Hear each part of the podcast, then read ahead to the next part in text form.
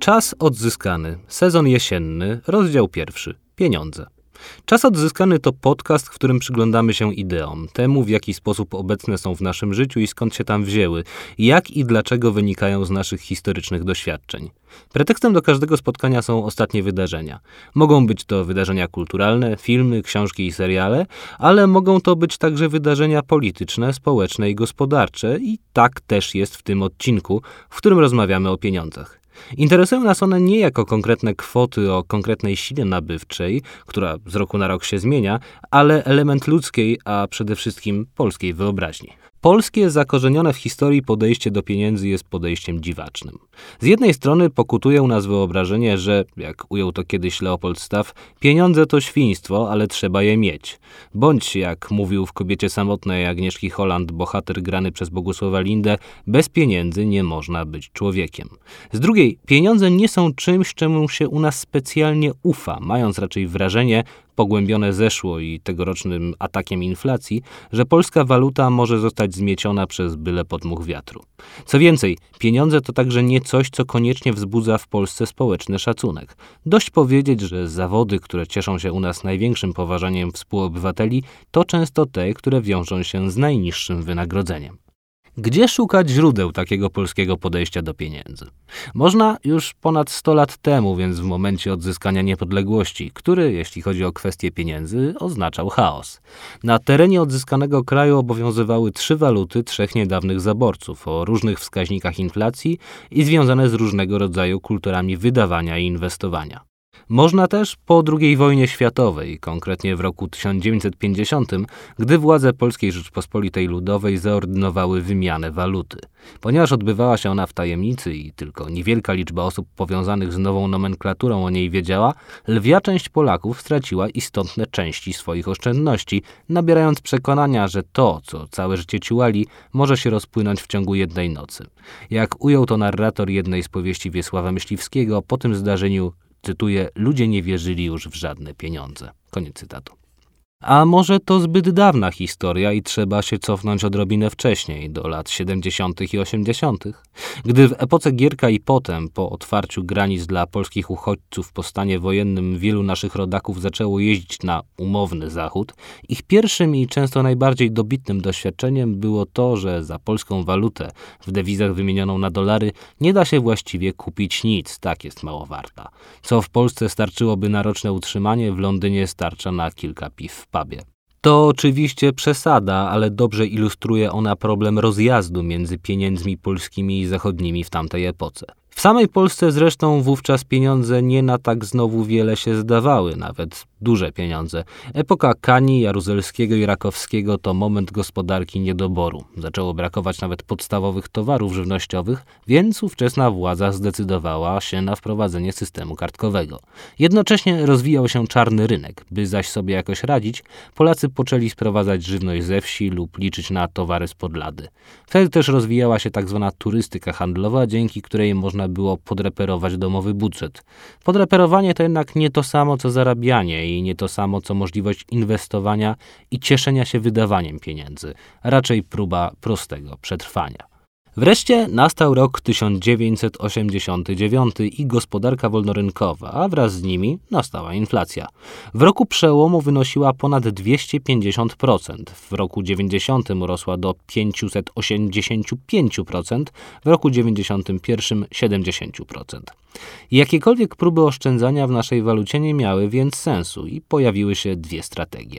Niektórzy Polacy zaczęli na potęgę konsumować, skoro i tak zaraz wszystko mu miało podrożeć, a sklepy wyjątkowo były pełne.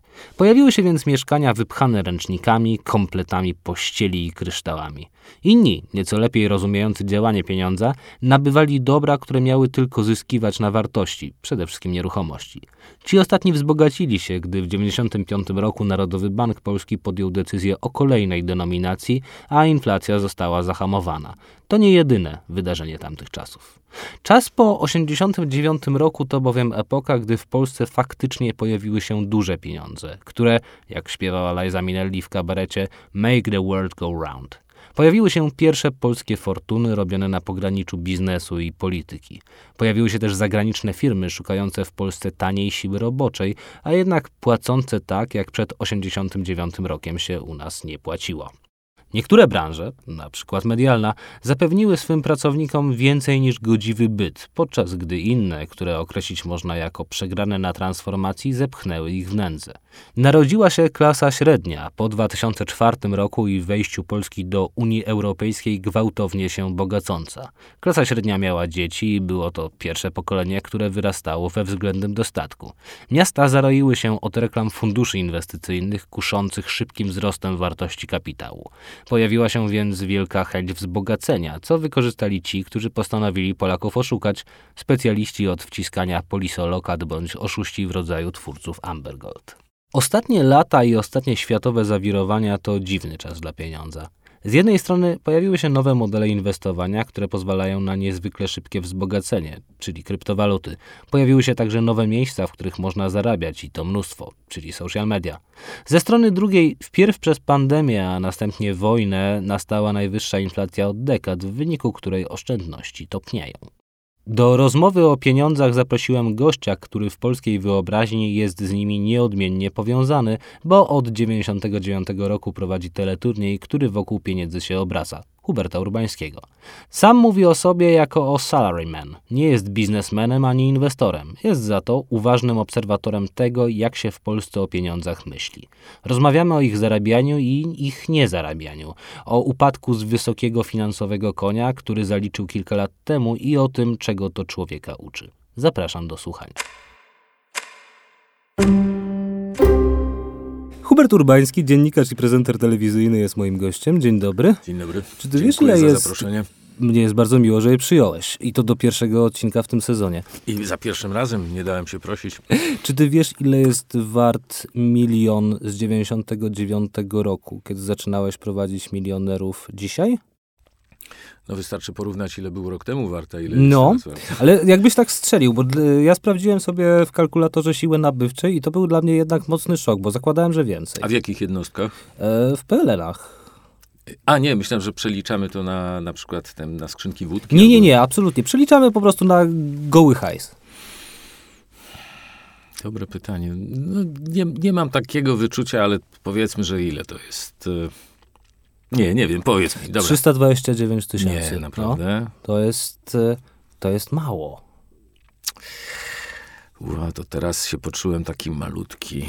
Ale nie miałeś żadnego schowanego jeszcze z tamtych czasów i nie złapałeś się za głowę, że o matko trzeba było to jednak wydać. Nie, nie, ale myślę, że rzeczywiście to jest tak, jak się mm, słyszy tam za ile się coś na Manhattanie ktoś Mhm. kiedyś 100 lat temu kupił, Tak. ile, do, albo że tam ile tysiąc dolarów, ile był wart, to rzeczywiście to są niepra- nieprawdopodobne różnice, ale że aż tyle w skali 20 lat, dwóch dekad, kurczę. A jak to się zmieniło w polskiej wyobraźni? Bo ty cały czas prowadzisz program pod tytułem Milionerzy. Tak, On ale się też nazywa tak od początku, Mhm. chociaż e, e, no i tak się nazywa w innych krajach, chociaż w innych krajach ten milion był wart wielokrotnie, może nie wielokrotnie, ale trochę więcej. No po pierwsze, to tak od razu czuję, że y, muszę się wstawić za tym programem, że rzeczywiście ty, twoja informacja jest porażająca, ale z drugiej strony nadal no, jesteśmy numer jeden, jeśli Mhm. chodzi o nagrody. No po prostu dajemy tyle pieniędzy i, i że nikt inny tyle nie daje. I myślę, że nadal milion złotych, mimo też tego, co przed chwilą powiedziałeś, to nadal jest porządna forsa. Mhm. Em, więc nie pękam. Myślę, że Okej. i tak, i tak mamy program cały czas, który jest na antenie od ponad 20 lat, gdzie dajemy no, po, potężną nagrodę i wiele osób po nią sięga. I ja cały czas ubolewam, że na przykład część osób mówi tak, nie, u was ten milion tak rzadko pada. Ja mówię, halo, a ile razy pada pół miliona, Mhm. ćwierć miliona, 125 tysięcy, to już nawet tak nikt, w ogóle nawet nie, nikt nie zwraca na to uwagi. No bo to teraz to już mniejsze pieniądze. I też okej, bo Mhm. program się nazywa Milionerzy, ale jak ktoś wygrywa 125 tysięcy czy ćwierć miliona złotych, to w ogóle go nie zauważamy, a to nadal ćwierć miliona e, wygrany w programie Mhm. telewizyjnym, to jest jak cię mogę, no nie ma, nie ma wstydu. A jak ty uważasz, jak się w ogóle zmieniło takie postrzeganie tak zwanych dużych pieniędzy w Polsce? Bo jeśli jeszcze obracamy wokół tego miliona, no to milion ma teraz większość osób, która ma mieszkanie, zwłaszcza po zeszłorocznych e, zwyżkach cen. Mhm. A, no i może to być oczywiście milion w kredycie, no ale zakładamy, To że właśnie. za 20 czy 30 lat, e, daj Boże, ten kredyt zostanie spłacony. Ale w rękach tej osoby jest dobro, które jest warte, które jest warte milion złotych. To co to są właściwie dzisiaj w Polsce duże pieniądze? Ja mam taką teorię, że mm, mm, to wszystko jest, zawsze było i jest super relatywne, więc Mhm. jakąkolwiek byś podał sumę, czy to jest milion, czy 100 milionów, czy 100 tysięcy, to zawsze jak postawisz taki znacznik, Mhm. to zawsze duża część ludzi będzie za tym znacznikiem, a cała masa przed tym znacznikiem. I że zawsze ktoś się odniesie do tego, patrząc na to z pogardą, albo patrząc na to z uwielbieniem i w ogóle z pożądaniem. I zawsze tak Mhm. jest, bez względu na to, czy, czy mówisz o sumie właśnie 100 tysięcy, 10 tysięcy, czy, czy 10 milionów, czy 100 milionów. I, i, i, te, I tego się będę trzymał. Trochę jak w tym e, rysunku słynnym Marka Raczkowskiego, kiedy siedzi rodzina przed telewizorem i w telewizji mówią, za ile Judasz sprzedał Jezusa i że to dzisiaj by to było ile tam 50 zł i to ojciec mówi, to mało, matka, to, strasznie mało, natomiast dziecko, dla mnie to kupa forsy. Tego rysunku, myślałem, że wszystkie jego rysunki widziałem, ale tego nie widziałem. Dobra, no to, to da, tak, to właściwie to moje przydługie gadanie, to można by właśnie spuentować tym rysunkiem. Tak. A jaki ty masz w ogóle stosunek do pieniędzy? Czy to jest dla ciebie intymny temat? I pytam dlatego, że a, kiedy zaczynałeś prowadzić teleturniej, który w sumie obraca się wokół pieniędzy? Oczywiście wiadomo, że one są tam tylko pewnym dodatkiem, a głównym produktem są emocje. A, I to wahanie, i to trafi czy nie trafi.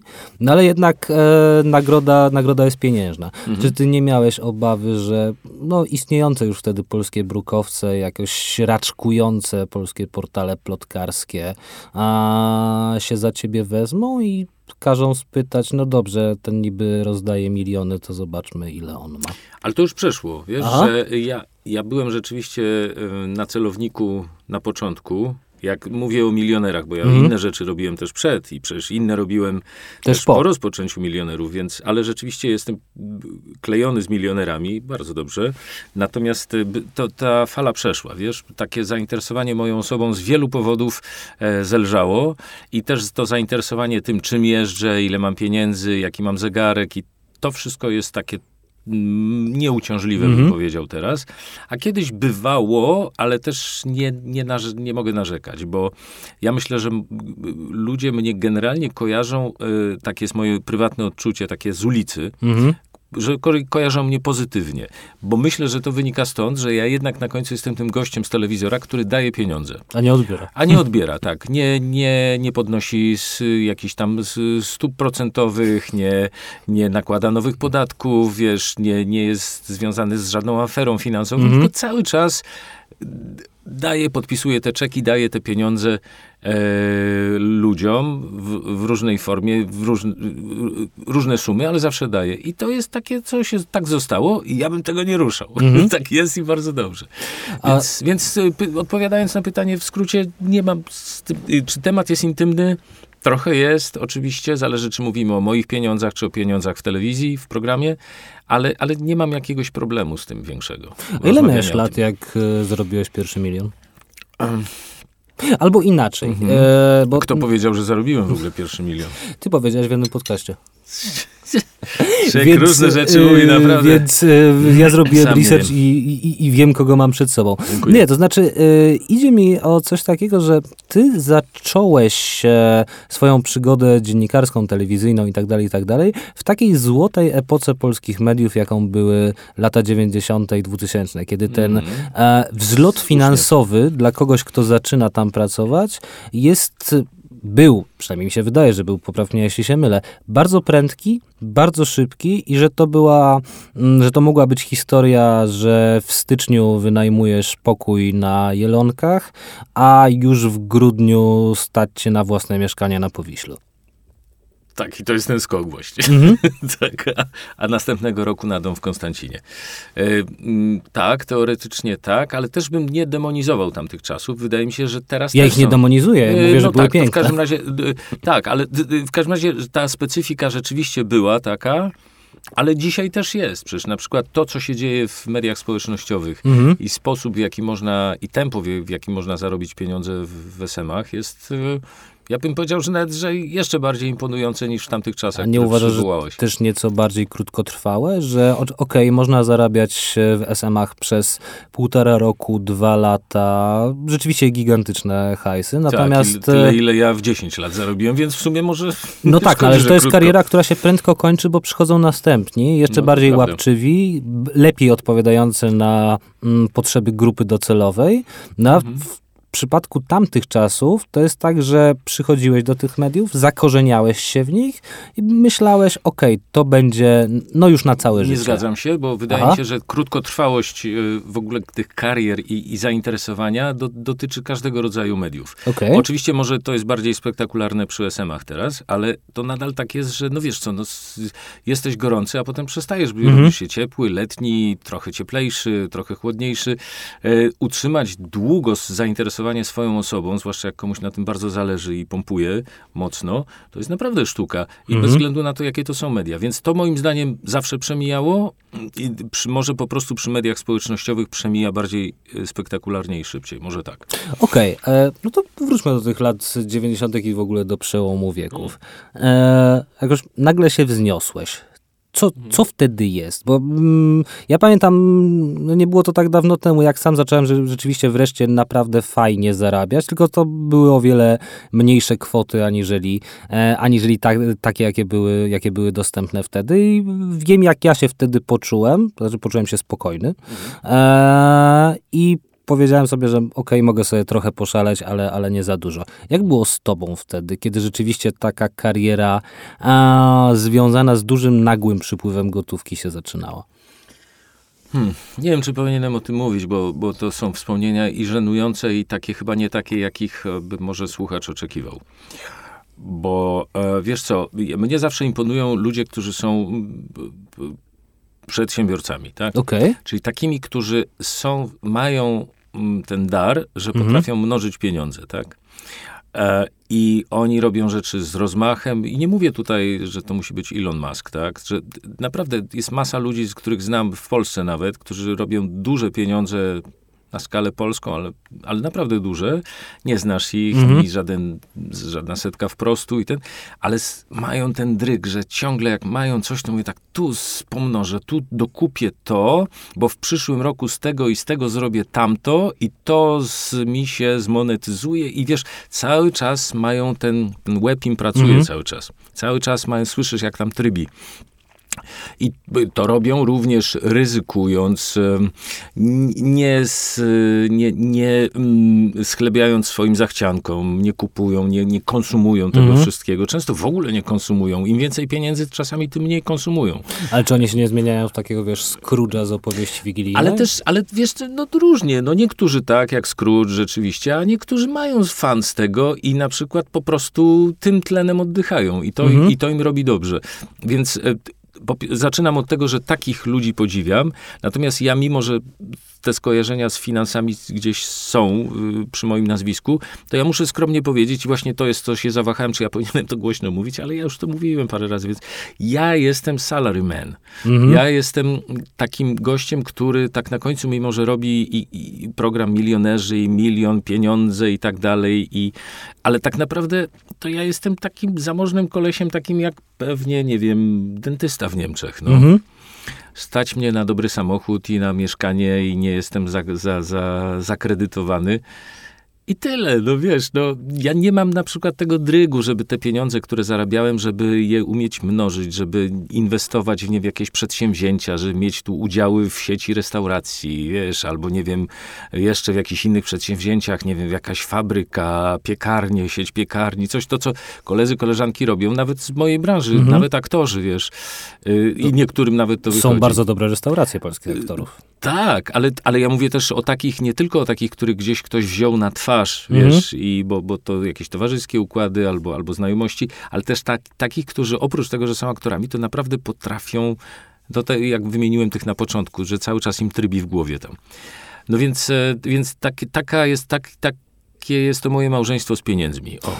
Ale czy to jest podyktowane tym, że nie masz ochoty być najbogatszy na całym cmentarzu i uważasz, że okej... Nigdy o tym nie myślałem, szczerze mówiąc, ale to Aha. chyba rodzinne. Mój, mój stary o tym nigdy nie myślał, mama też nie, wiesz, jakoś tak nie mam, nie mam w rodzinie też jakichś przedsiębiorców, takich jakichś, wiesz, y, takie gwiazdy, w które mógłbym się wpatrzeć i, i, i mówić, ja chcę tak jak wujek Czesiek na przykład, bo tam miał na przykład, e, wiesz, zakład pogrzebowy i jeszcze trumny produkował. Dobry biznes. Samonapędzający się, tak. I Tak, taki, którego ludzkość tak. zawsze będzie No, potrzebowała. No. Więc, więc tak, to, tak to było u mnie, aczkolwiek powiem ci, że w związku z tym moje, idąc dalej tym tropem, moje wspomnienia dotyczące tego bogacenia się też są, jak dzisiaj na nie patrzę, yy, żenujące. No ja pamiętam, że jeszcze tu już dobrze zarabiałem, bo pracowałem lata wcześniej w radiu Mhm. i tak coraz więcej zarabiałem w tym radiu, bo tam prowadziłem i swój blog i tak dalej. Jeszcze czasami w reklamach grałem jako no-name, ale grałem. I e, na przykład pamiętam, że jak pierwszy raz w życiu samochód kupiłem w sklepie, w No, salonie. jaki to był? Toyota Corolla. Wiesz, Bardzo fajne auto. bardzo fajne auto, które y, aż żałuję, że kilka lat temu sprzedałem. Potem mój tata jeszcze nim jeździł przez, przez parę lat. No taki przebieg miałem, kurczę, taki, że chyba już nigdy nie zrobię takiego przebiegu żadnym samochodem. To pamiętam, że jak y, go odbierałem z salonu Toyoty, e, i jak nim wyjeżdżałem jeszcze przez taki plac parkingowy, szlaban na, na zewnątrz, to miałem taką myśl, Jezu, mój nowy samochód, pierwszy raz kupiłem. I tak w głowie mi taka mantra chodziła. Kupiłem nowy samochód, to jest nowy samochód. Pierwszy raz mam nowy samochód. Miałem ileś używek wcześniej, Mhm. jakichś takich grzęchów, które się psuły i nagle wyjechałem pierwszym nowym samochodem, takim pachnącym, jeszcze zafoliowanym prawie. I to, to jest mniej więcej to samo uczucie i ta sama mantra, jak pamiętam pierwszy raz w 84 roku, roku wylądowałem na lotnisku Orly w Paryżu i jechałem takim ruchomym chodnikiem Aha. i trzymałem się poręczy i rozglądałem się po tym lotnisku i przez te okna takie i mówię, pierwszy raz jestem na zachodzie. Jestem pierwszy raz na zachodzie. Niesamowite. I, i to są te pierwsze razy, Mhm. których potem już drugie razy już się nie, nie równają tym pierwszym. No tylko, że jak przywołałeś lata 80., to y, ilekroć rozmawiam z kimś, kto już wtedy żył świadomie, że tak wyrażę, a to powtarza, słuchaj, to było, jak się jechało wtedy na zachód, to miało się poczucie, Boże, jacy my jesteśmy w cholerę biedni, jak nas bardzo na nic nie stać i że właściwie nawet jeśli mamy w Polsce jakąś wysoką pozycję i nawet mamy jakieś pieniądze, no to tam jesteśmy gorzej niż parias. Jaki na twoje zarabianie i wydawanie hajsu miało wpływ właśnie takie doświadczenie, jeśli je miałeś? Mhm. No mia, miałem... y, mo- Że takie, można, że wiesz, że tak. wchodzisz do Paryżu do kawiarni i nagle myślisz, nie stać mnie na nic. Nie no, ale to były lata 80., to w ogóle, wiesz, e, jak, jak stałem przed, przed y, takim stoiskiem na Mont- Montmartre, tam, gdzie, gdzie, gdzie sprzedawali naleśniki takie na, wiesz, te mm, krep takie No. na, na, na tym. I tak z ojcem właśnie, i pamiętam te uczucia, też żenujące, jak dzisiaj o tym myślę, takiego przeliczania, ile tych franków na tego naleśnika, to ile to kosztuje w złotówkach i to Mhm. za każdym razem było takie, nie, niemożliwe, o rany. I takie było, nie, no to może jednego naleśnika weźmiemy chociaż coś. I pamiętam, jak taka babka wtedy po polsku się odezwała tam z tych naleśników. Mówię tak, pan poczeka chwilę tutaj. O, ja panu zrobię. Pan, ile pan ma? Tyle. Dobra, to dwa, dwa wam zrobię. I to, to takie było i upokarzające, i miłe jednocześnie. I to wiesz, te ciągłe przeliczanie tych walut, czy się do Niemiec jechało, czy do Francji, czy gdzieś, i przeliczanie, ile, ile ta kawa kosztuje, ile, ile ta, ta, ta Coca-Cola. Y, To ja jeszcze to pamiętam. No a później rzeczywiście w pewnym momencie przestałem przeliczać. No i to jest... A kiedy? I, i to jest komfort. W 90 E, czy już, Chyba czy w, później? w 90 już jak, jak pracowałem więcej w radiu i miałem po prostu stałą pracę od paru lat i już było nie kulawo, ale tak też bez przesady. Mhm. Tylko tak dosyć stabilnie, ale na kredycie, ale stabilnie.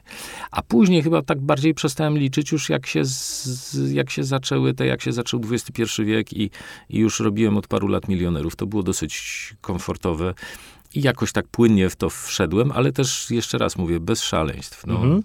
A nie miałeś nigdy czegoś takiego, że potrzebujesz sobie potwierdzić no, dla samego siebie a, swój status, bo ja na przykład tak mam za każdym razem, jak zarabiam jakieś większe pieniądze, niespodziewanie, mhm. że mówię sobie, ok, 5% z tego, to ja sobie teraz e, kupię coś fajnego za to, tylko dlatego, żeby wiedzieć, mieć ten przedmiot gdzieś i wiedzieć, że ten hajs zarobiłem. I działa ten mechanizm tak, u ciebie? Absolutnie. Super, to gratuluję. U mnie tak po prostu to nie działa. No, ja tak jakoś...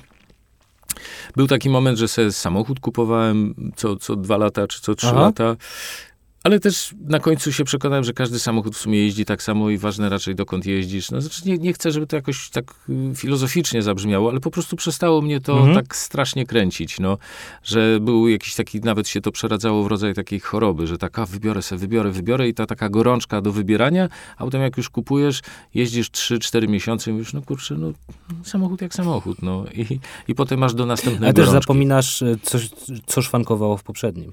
Y, no tak, zwłaszcza, że jak kupowałeś, jak kupowałem nowe, to nic nie szwankowało, tylko po prostu miałeś no. nagle, że wiesz co, jak włączysz kierunkowskaz, tak to tak niefajny dźwięk. No I, miałem, I, tu był problem. A to miałem, Jezus Maria, tak samo jak ostatnio właśnie, żeby sobie sprawić prezent, kupiłem sobie nowe pióro wieczne. No i ono przyszło, właśnie nabrałem atramentu tłoczkiem, no i próbuję zacząć pisać. I Jezus Maria, ono jakoś, jakoś źle pisze i tak dalej. A poprzednie pióro kupowałem 12 lat wcześniej, więc e, w te pędy biorę za telefon i dzwonię do pana z sklepu Parkera, który mi to sprzedał i tak mówię, że to przepraszam, to ma być złota stalówka, do człowieku, to przecież powinno być tak, że jak marzenie. Proszę pana, to skrzypi. Dlaczego? Na co on mi uprzejmie uświadomił, że no tak, to pierwsze dwa tygodnie to jest takie docieranie się i na tym to polega. Jako, że ja przez 12 lat czegoś nie, nie kupowałem nowego, tylko polegałem na starym, no to już zapomniałem, zapomniałem, że tak ma być. No widzisz.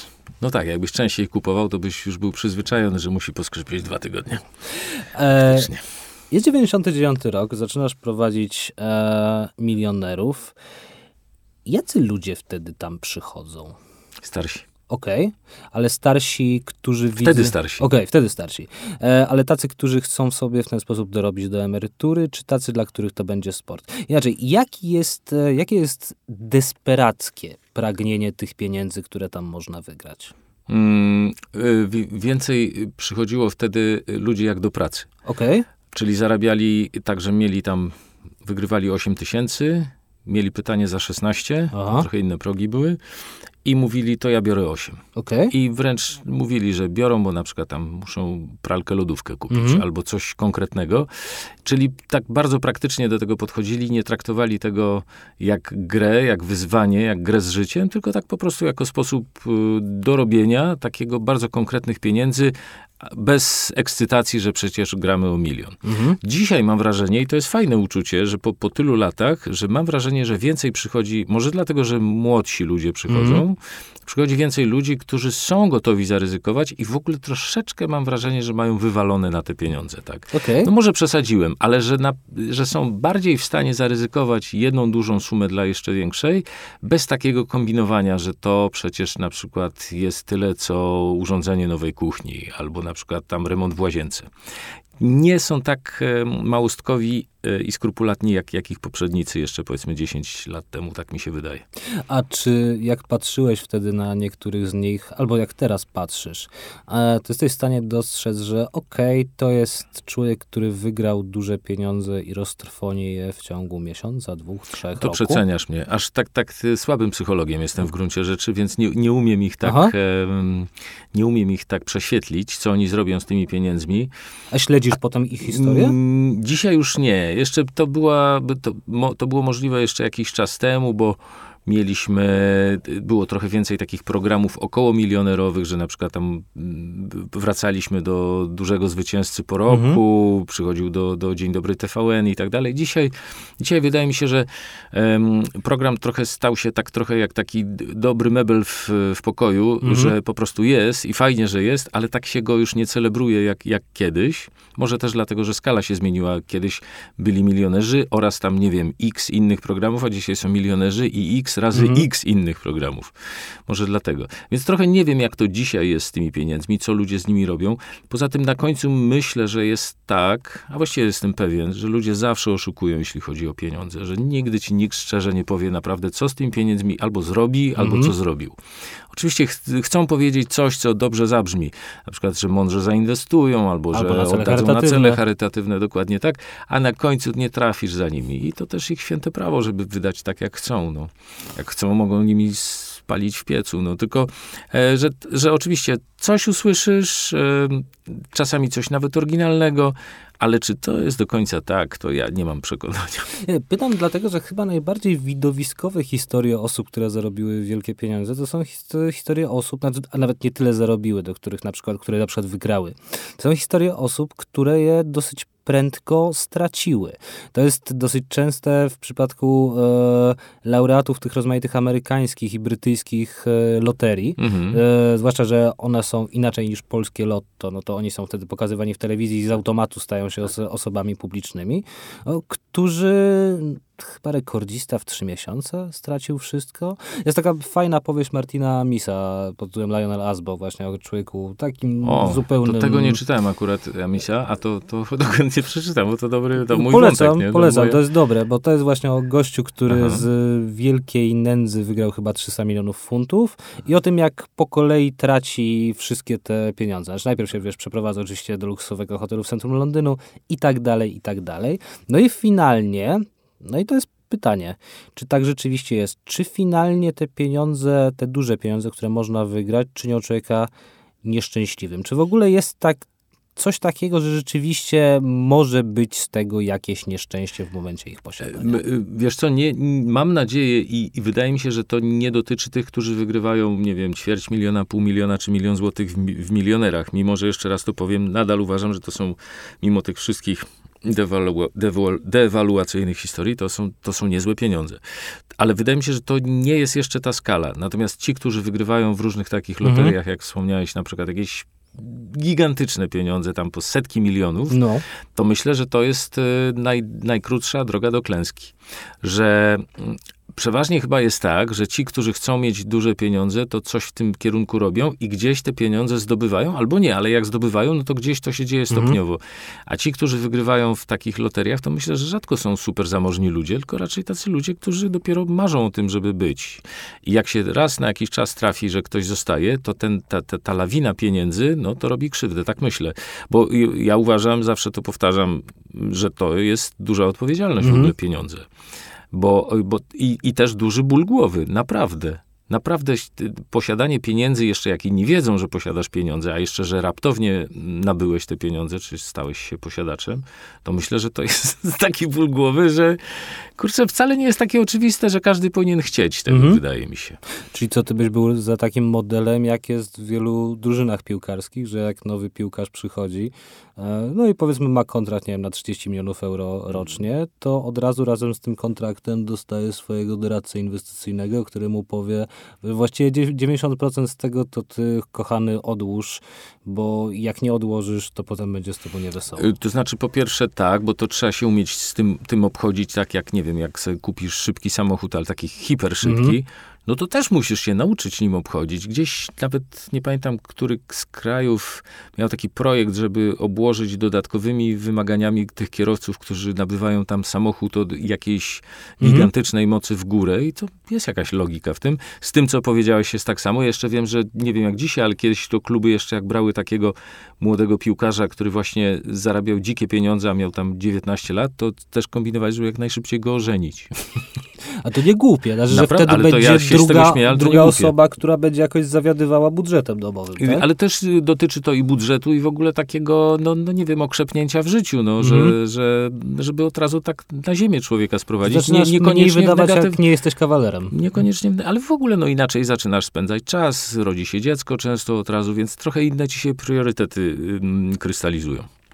A czy ty nie miałeś, bo skoro mówimy o piłkarzach, to jest często taki jęk zawodu, o mój Boże, on ty, tylko kopie piłkę, a zarabia aż tyle. Mhm. Czy ty nie miałeś nigdy poczucia, że twoje wynagrodzenie jest niewspółmierne do tego, co robisz. I teraz nie zrozum mnie źle. Mhm. Ja uważam, że ty spełniasz bardzo istotną funkcję społeczną, którą jest zapewnienie ludziom rozrywki, bo bez Mhm. rozrywki w wolnym czasie ludzie by się pozabijali. Hmm, Dobre, muszę to zapamiętać. Mhm. I też wiem, że prowadzenie programu telewizyjnego jest wysysaczem energii i wymaga pewnego profesjonalizmu.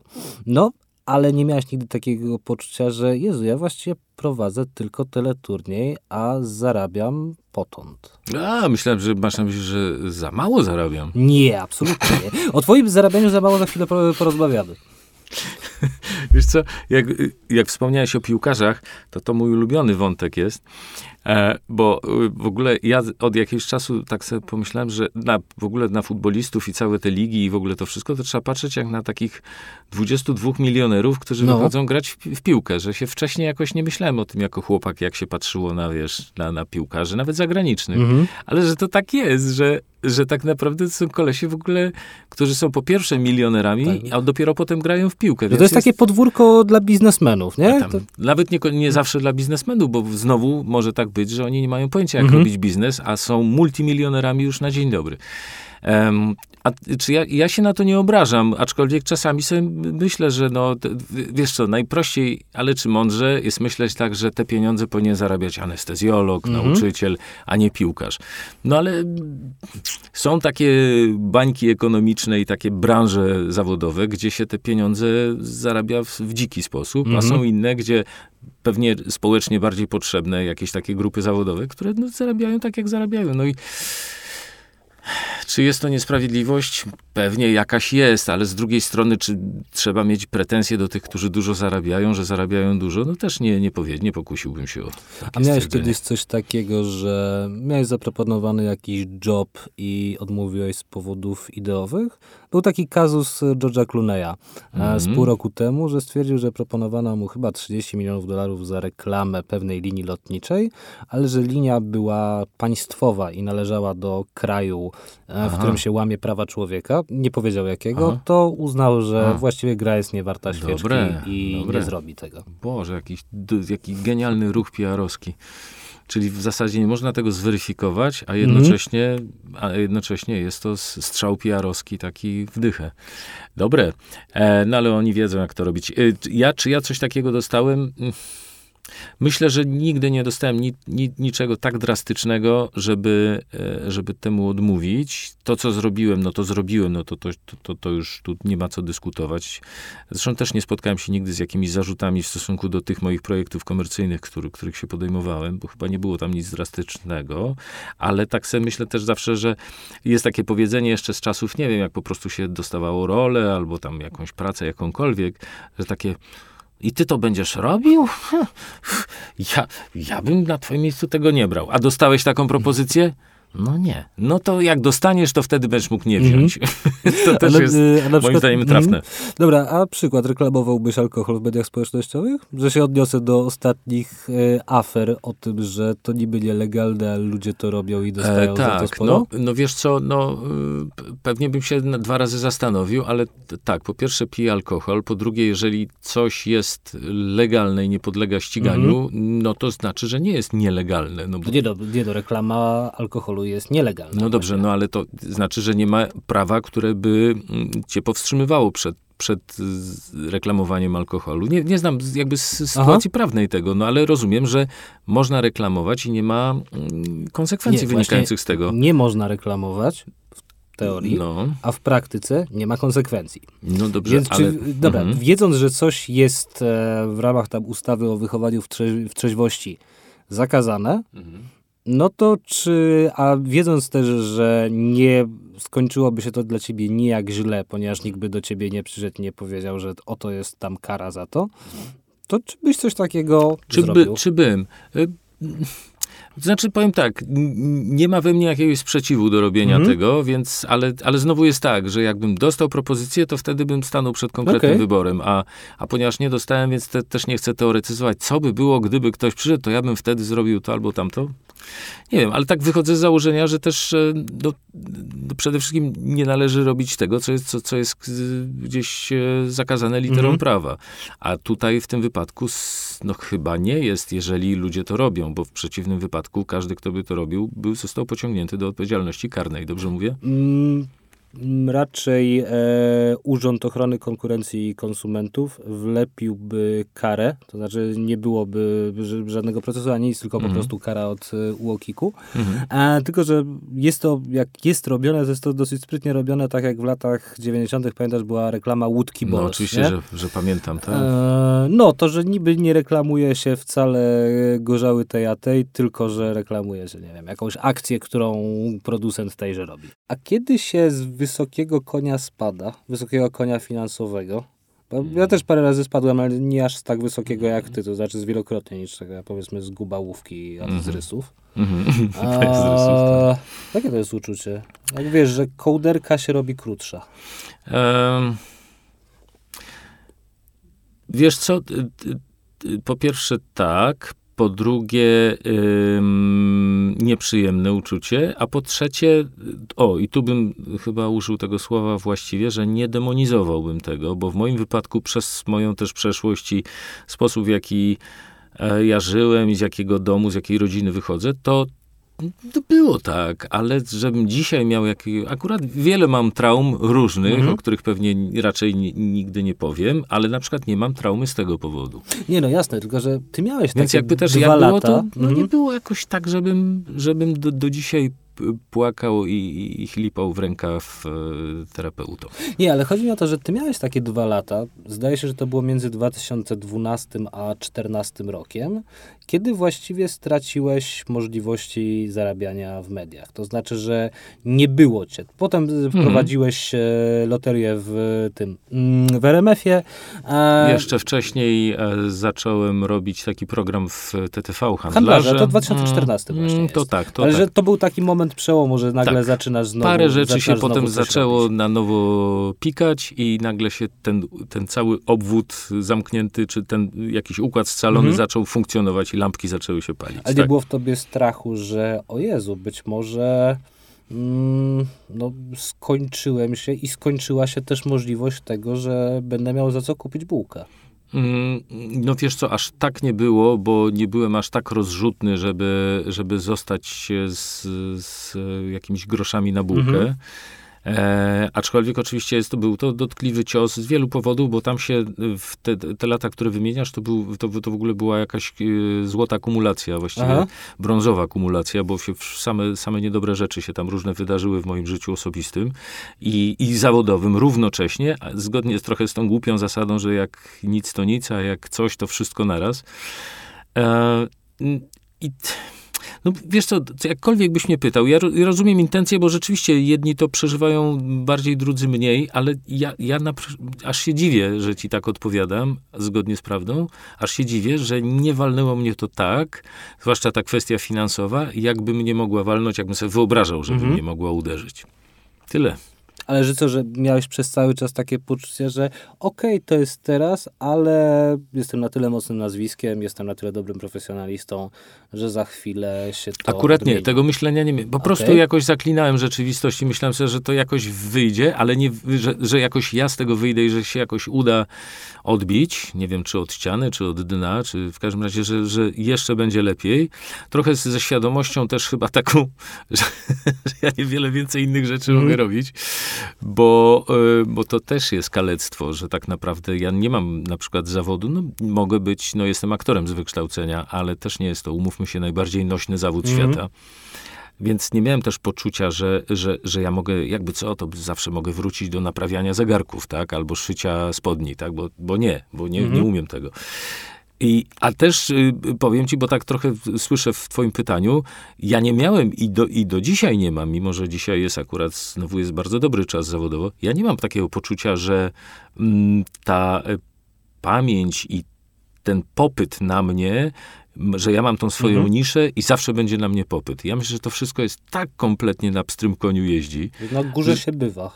Ale bywa się. Nie w ogóle jest to, jeszcze, jeszcze zwłaszcza dzisiaj przy, tej, przy tym zagęszczeniu mm, te, ruchu tego na, w, te, w tej branży, na tej ulicy jak to nazwać, takiej rozrywki, tak? Mhm. Po tych dwóch kiepskich latach, kiedy jednak wróciłeś, e, zmieniło ci się podejście do hajsu? To znaczy, wiesz, bo nie chcę zadawać banalnego pytania, które będzie brzmiało, a co cię ta sytuacja, czego cię cała ta sytuacja nauczyła i jak bardzo skruszony do nas przyszedłeś i jaki teraz będziesz dobrym człowiekiem? E... To jest dobre pytanie o to, co ta sytuacja, nie, to znaczy, bo ty to, to tak sposponowałeś to pytanie trochę. Nie, to jest dobre pytanie, tylko, że moja, od razu ci odpowiem, bo ja je też zadaję często mnie te sytuacje niczego nie uczą po prostu. Okay. Ja w ogóle tak e, uważam, że to trochę tak jest, e, jak w, że, że to nie jest tak jak w filmach albo jak w tym w Slumdog Millionaire, tak? Pamiętasz, że tam, że nagle to się wszystko tak magicznie ułożyło, że chłopak, co dostawał pytanie w tych milionerach, to to się odnosiło akurat do jakiegoś przeżycia w życiu. Najczęściej to wszystko jest jakaś teoria chaosu i się to dzieje przypadkowo i że to jest tak, jak myślę, ze śmiercią kogoś bliskiego czy kogoś z otoczenia, że tak ktoś umiera i wtedy mówisz tak, kurczę, to życie jest takie krótkie, trzeba o tym pamiętać i, od tej, i od tej pory, a trzeciego dnia po prostu wszystko tak zapitala dookoła, że no, tracisz ten dystans i znowu wchodzisz w, do swojego tego toru bobslejowego i, i, widzisz tylko, wiesz, migające te, prze, przesuwające się ścianki tego toru. A jak się według ciebie w Polsce przez ostatnie trzydziestolecie zmieniło wydawanie pieniędzy? To znaczy, ja tak obserwuję w miarę świadomie od kiedy sam zarabiam i sam wydaję, no powiedzmy od 10 lat że kiedyś strasznie właśnie lubiłem sobie kupować przedmioty, a teraz bardziej mnie będzie interesowało, nie wiem, wyjście gdzieś czy wyjazd gdzieś. To znaczy, że już nie potrzebuję wydawania, oczywiście jakiejś takiej nadwyżki, na, na coś, co będzie trwałe, ale raczej będzie mnie interesował experience. Jak patrzysz na to trzydziestolecie, od momentu takiego polskiego dorabiania się w latach dziewięćdziesiątych, przez e, bezrobocie początku XXI wieku, po jakąś tak, po jakąś zapieprzającą, e, zapieprzające wzbogacanie się społeczeństwa, przynajmniej niektórych jego warstw, na przełomie poprzedniej jeszcze poprzedniej dekady, jak inaczej ludzie wydają? Że ludzie, mm. których znasz. Mm -hmm, mm -hmm. E, wiesz co, tak sobie myślę, że po prostu y, 30 y, lat temu miałem 26 lat, a teraz mam 56, czyli patrząc ze swojej perspektywy, to jest tak, że oczywiście coś się zmienia, ale ja na przykład też musiałbym się zastanowić, ile się zmienia, bo się czasy zmieniły, a ile się zmienia, bo ja po prostu jestem o 30 lat starszy. Ale no mam y, na przykład taki środowiskowy insight, wiesz, ze względu na swoje dzieci, tak? To, to pokusiłbym się o takie stwierdzenie, że na przykład Kiedyś w moim środowisku jak na przykład miałem 20 parę lat, to było więcej takiego myślenia prokomercyjnego, takiego, okay. że, że, że dom, że nawet nie dom, że mieszkanie, że samochód, że wiesz, że jednak praca, tak, no nie wiem, no było, bo mówię, mówię ze swojego doświadczenia, jest urodzony, jestem w Warszawie, mm, chodziłem do szkoły w Warszawie, więc mam tak, tak, taki background środowiskowy i się mówiło o tym, że kurczę, to mieszkanie dobrze było coś, nie, już nie będę wynajmować, że wiesz, jakby bardziej było tak, że jakąś fajną pracę, że też się pojawiały te możliwości takie szokujące nagle, że zagraniczne firmy, że to wszystko było takie, no, z innego świata, z innej planety. A dzisiaj to zestawiłbym z tym, że takie jest moje wrażenie, znowu warszawsko, też środowiskowe jakieś, więc proszę na to wziąć poprawkę, że jest, mam wrażenie, że mają ludzie bardziej wywalone na pieniądze i na wydawanie w związku mhm. z tym też pieniędzy i na jakieś elementy stabilizujące, takie jak na przykład czy mieszkanie, czy samochód. Takie czy, kotwice rozmaite. Takie kotwice, które wtedy były, na, mówię to autentycznie, dla mnie i dla, dla moich rówieśników, były istotne i warte gry. A dzisiaj ludzie chyba sobie bardziej, ci, których ja znam i te z tego środowiska, e, które ja znam, bardziej sobie cenią takie, że właśnie, że nikt mu nic nie każe, że nikt mu nie musi nic nakazać, że nie jest podczepiony pod jakiś kredyt, czy pod jakiś mus, czy pod jakąś korporację, czy pod jakąś politykę korporacyjną i te owocowe czwartki, czy coś, wiesz, no, że, że właśnie może z tego szydzić, że ma dzisiaj robotę, którą jak rzuci za trzy miesiące, to się świat nie zawali, że jeszcze zdąży, nie wiem, sobie samochód kupić, a w ogóle po co samochód? Można przecież pojechać Uberem albo, albo wynająć samochód na chwilę. Mm. Tylko, że to wszystko, co mówisz, jest strasznie bańkowe takie. Bo, no bańkowe, no bo ja mieszkam w Warszawie, no wiesz, no... Znaczy nie, to są też problemy mojego środowiska, mm -hmm, nie? Więc ja mm -hmm. zupełnie z tym empatyzuję. Natomiast wiem, że jest to jeśli chodzi o młodych ludzi w Polsce, to może, nie wiem, 2 do 3% całego, całego ich zbioru, nie? Mhm. Mm. No tak, no bo ja też mam takie córki w wieku koniec 20, a początek 30 lat, no. tak? To i też znam ich środowisko, no to oni wszyscy mniej więcej tak patrzą na to ale być może, wiesz, być może i Warszawa czy duże miasta może dają większą dostępność do różnych rzeczy, w związku z tym mniejszy głód tych rzeczy, bo one i tak są na wyciągnięcie ręki. Mhm. Może tam, gdzie jest to bardziej, wiesz, odległe i takie za szybą, to może bardziej się tego pragnie i wtedy jest in, inne myślenie.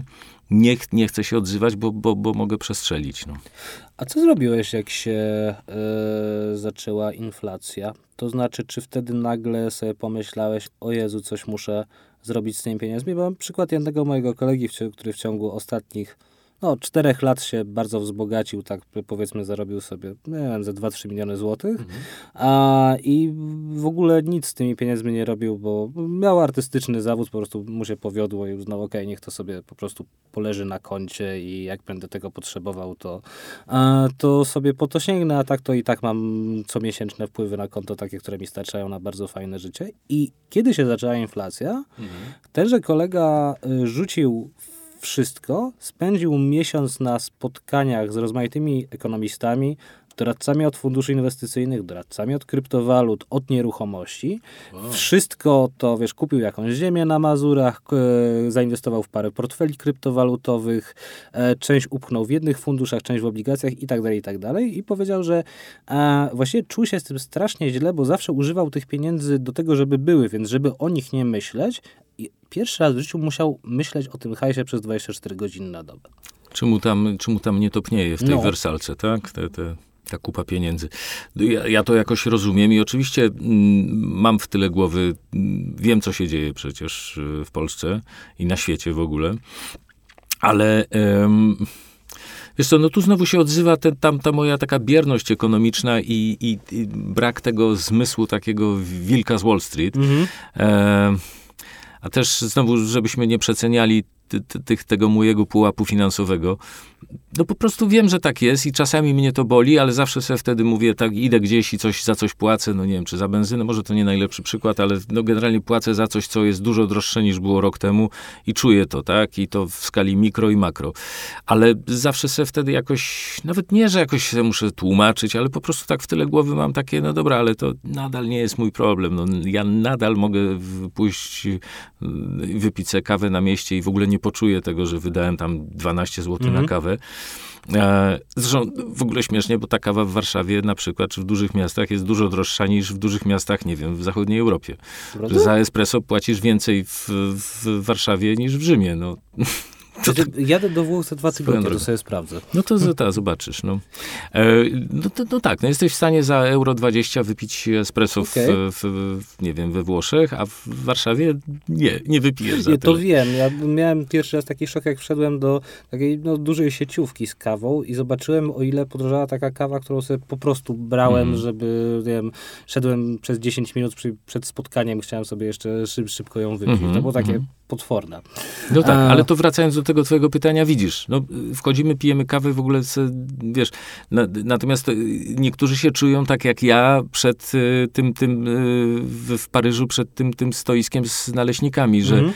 że widzę, że naleśnik kosztuje tam ileś franków i mówię, Chryste, przecież to w Polsce za to można dwa obiady, tak? I, i to jest to myślenie I, i myślę, że dzisiaj też jest dużo ludzi, którzy mają właśnie tak, taką myślówę, jak stoją tam, wiesz, w jakiejś kawiarni i mają wziąć tam flat white, nie? Na, na owsianym czy na jakimś innym.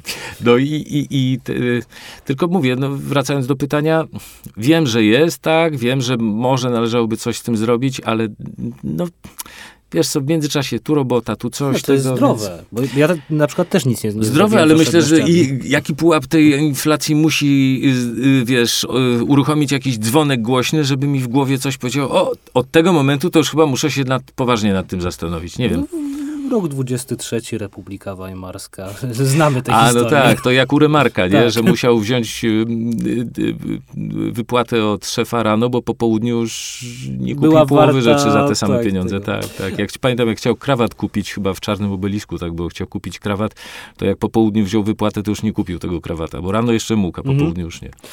A czy ty miałeś kiedykolwiek tak, że pieniądze lub obietnica jakichś pieniędzy cię blokowała? W tym sensie, że myślałeś, ok, teraz zarabiam tyle a tyle, więc nie zrobię tego a tego, ale jak kiedyś, nie wiem, powiedzmy, będę zarabiał dwa razy więcej, no to wtedy już to zrobię, że wtedy będę mógł, że sobie wyznaczałeś to, co jest ci dozwolone, a w kontekście do twoich dochodów. Mm, Masz na myśli, co mam zrobić za określoną stawkę? Nie, chodzi? chodzi mi o to, że wiesz, że powiedzmy, okej, że zarabiasz sumę X i myślisz sobie, okej, niby stać mnie na wakacje gdzieś tam, ale pojadę na skromniejsze Mhm. i mimo, że mnie stać, że nie będzie to dla mnie czymś takim, że pojadę tam i potem będę biedował przez trzy miesiące i dopiero jak będę zarabiał dwa razy więcej, to będzie mnie stać bardziej, Rozumiem. więc tam pojadę. Mhm. Eee, wiesz co, e, to nie brzmi znajomo, ale uruchomiła mi się inna myśl, jak to powiedziałeś, mianowicie, że czasami, bo ja chyba generalnie jestem, tak teraz myślę, sprowokowany przez ciebie, że jestem raczej oszczędny i że rzeczywiście no, nie świruję z wydatkami. Mhm. Ale z drugiej strony, że zdarza mi się, jak na przykład tam sobie zakładam jakiś taki limit na tej mojej karcie w głowie i mówię tam tego nie kupię, tamtego nie kupię, tu nie wydam coś. I potem przychodzi jakiś taki moment, gdzie na przykład, nie wiem, planu, jest okres wakacyjny, teraz tak było. I nagle w, uświadomiłem sobie tak, że tu muszę zapłacić za te bilety, tu za to, tu za wynajem tego, to i nagle zrobi się tego dużo i tak sobie mówię, o rany, ale chyba tu już przegiąłem, to chyba najdroższe wakacje w ogóle dekady będą, ale jak zapłacę za to, to czuję jakąś taką ulgę, taką Aha. jakby, wiesz, e, to rodzaj wyzwolenia, a nie znałem tego wcześniej, więc to Okej. jest jakaś ciekawa, nowa taka reakcja mózgu, którą poznaję w tej chwili. Ale nie masz takich momentów w stylu król się bawi, złotem płaci. E, no nie, no bo ja też mam, nie mam takiej natury takiej, że mi się tak wie, że tak idę gdzieś w miasto i tam wydaję 100 tysięcy. No wiem, tak... Nie, o 100 tysiącach to myślałem raczej tak o tysiącu, ale widzisz, to jest różnica naszych pułapów, że Nie, ja też symbolicznie to- mówię 100 dla mnie tysięcy, ale myślę, że można tyle by- wydać. Nie, no no. jasne, że się da. Tak. Zwłaszcza ci kolesie, którzy idą gdzieś do go-go klubu i się budzą rano z dziwną pustką w głowie i z dziurą taką 100 tysięcy na karcie. Y, Czy nawet z wyczyszczonym całkowicie, Tak. całkowicie kątem i jeszcze są filmiki z tego, że oni rzeczywiście to wydawali, nie? Tak. Y, robione, robione, robione. No tak, chemia dla, działa cuda, tak. e, dla policji. A słuchaj, czy ty, bo powiedziałeś, że wiesz już, że na górze się bywa. Jak ty jesteś przede wszystkim mentalnie zabezpieczony przy, przed tym, że będzie jakiś znowu zjazd? Bo ja mam zawsze tak, że jak, się, jak zaczyna się jakiś dobry czas w życiu, bo to jest tak rzeczywiście, jak powiedziałeś, że wszystko fajnie na ogół dzieje się naraz, to mam taki moment, że bierze mnie taka dziwna melancholia i myślę, o Jezus Maria, to, to się w takim razie skończy kiedyś. Mhm. I potem będzie znowu źle. A jak jest źle, to myślę sobie, okej, no dobra, no ale zawsze jest przecież jakaś sinusoida, więc Też będzie taki moment, kiedy będzie dobrze. No tak. Znaczy jedno i drugie minie. I No. jak jest źle, to w końcu minie. Jak jest dobrze, też niestety minie.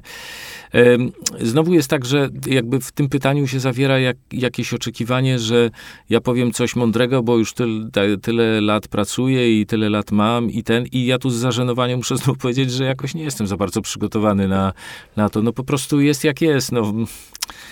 A, to właściwie mnie trochę wpędzasz w kompleksy, bo tak zadając to pytanie, trochę sam sobie odpowiadam, że chyba powinienem bardziej o tym pomyśleć, a nie myślę. No, Ale wiesz, to jest ten luksus posiadania pieniędzy, że się nimi nie zajmujesz. No tak, no ale, ale wiem, jak jest, jakich nie ma, Mhm. albo co powinienem zrobić. No wiesz, też nie jestem młodszy, więc e, są jakieś różne ograniczenia o różnym charakterze, które, które też tak bardziej implikują jakieś takie myślenie, że może powinieneś jednak pomyśleć, co będziesz za 10 czy 20 lat robić i może, może niekoniecznie niekoniecznie będziesz wtedy robić coś, tylko raczej żyć będziesz musiał. E, tak, no widzisz, no to jest to trochę tak jak z tą śmiercią bliskich. No po takiej rozmowie pewnie będę więcej o tym myślał przez 2-3 dni, a zobaczymy, czy mi starczy na dłużej. No to czekam w takim wypadku na informację. Jak długo myślałeś? Hubert Urbański był moim gościem. Dziękuję dziękuję serdecznie. Dziękuję za zaproszenie, dziękuję za To rozmowę. był pierwszy odcinek czasu odzyskanego w tym sezonie i jak pewnie Państwo zauważyli, jest pewna zmiana. E, w tym sezonie nie będzie dwóch gości, bądź też e, gościa i gościni, albo dwóch gościń w każdym odcinku. Będzie jeden, ale będziemy częściej, ponieważ Kiedyś byliśmy co dwa tygodnie, a teraz jesteśmy co tydzień w niedzielę. Zapraszam do słuchania. Dziękuję bardzo.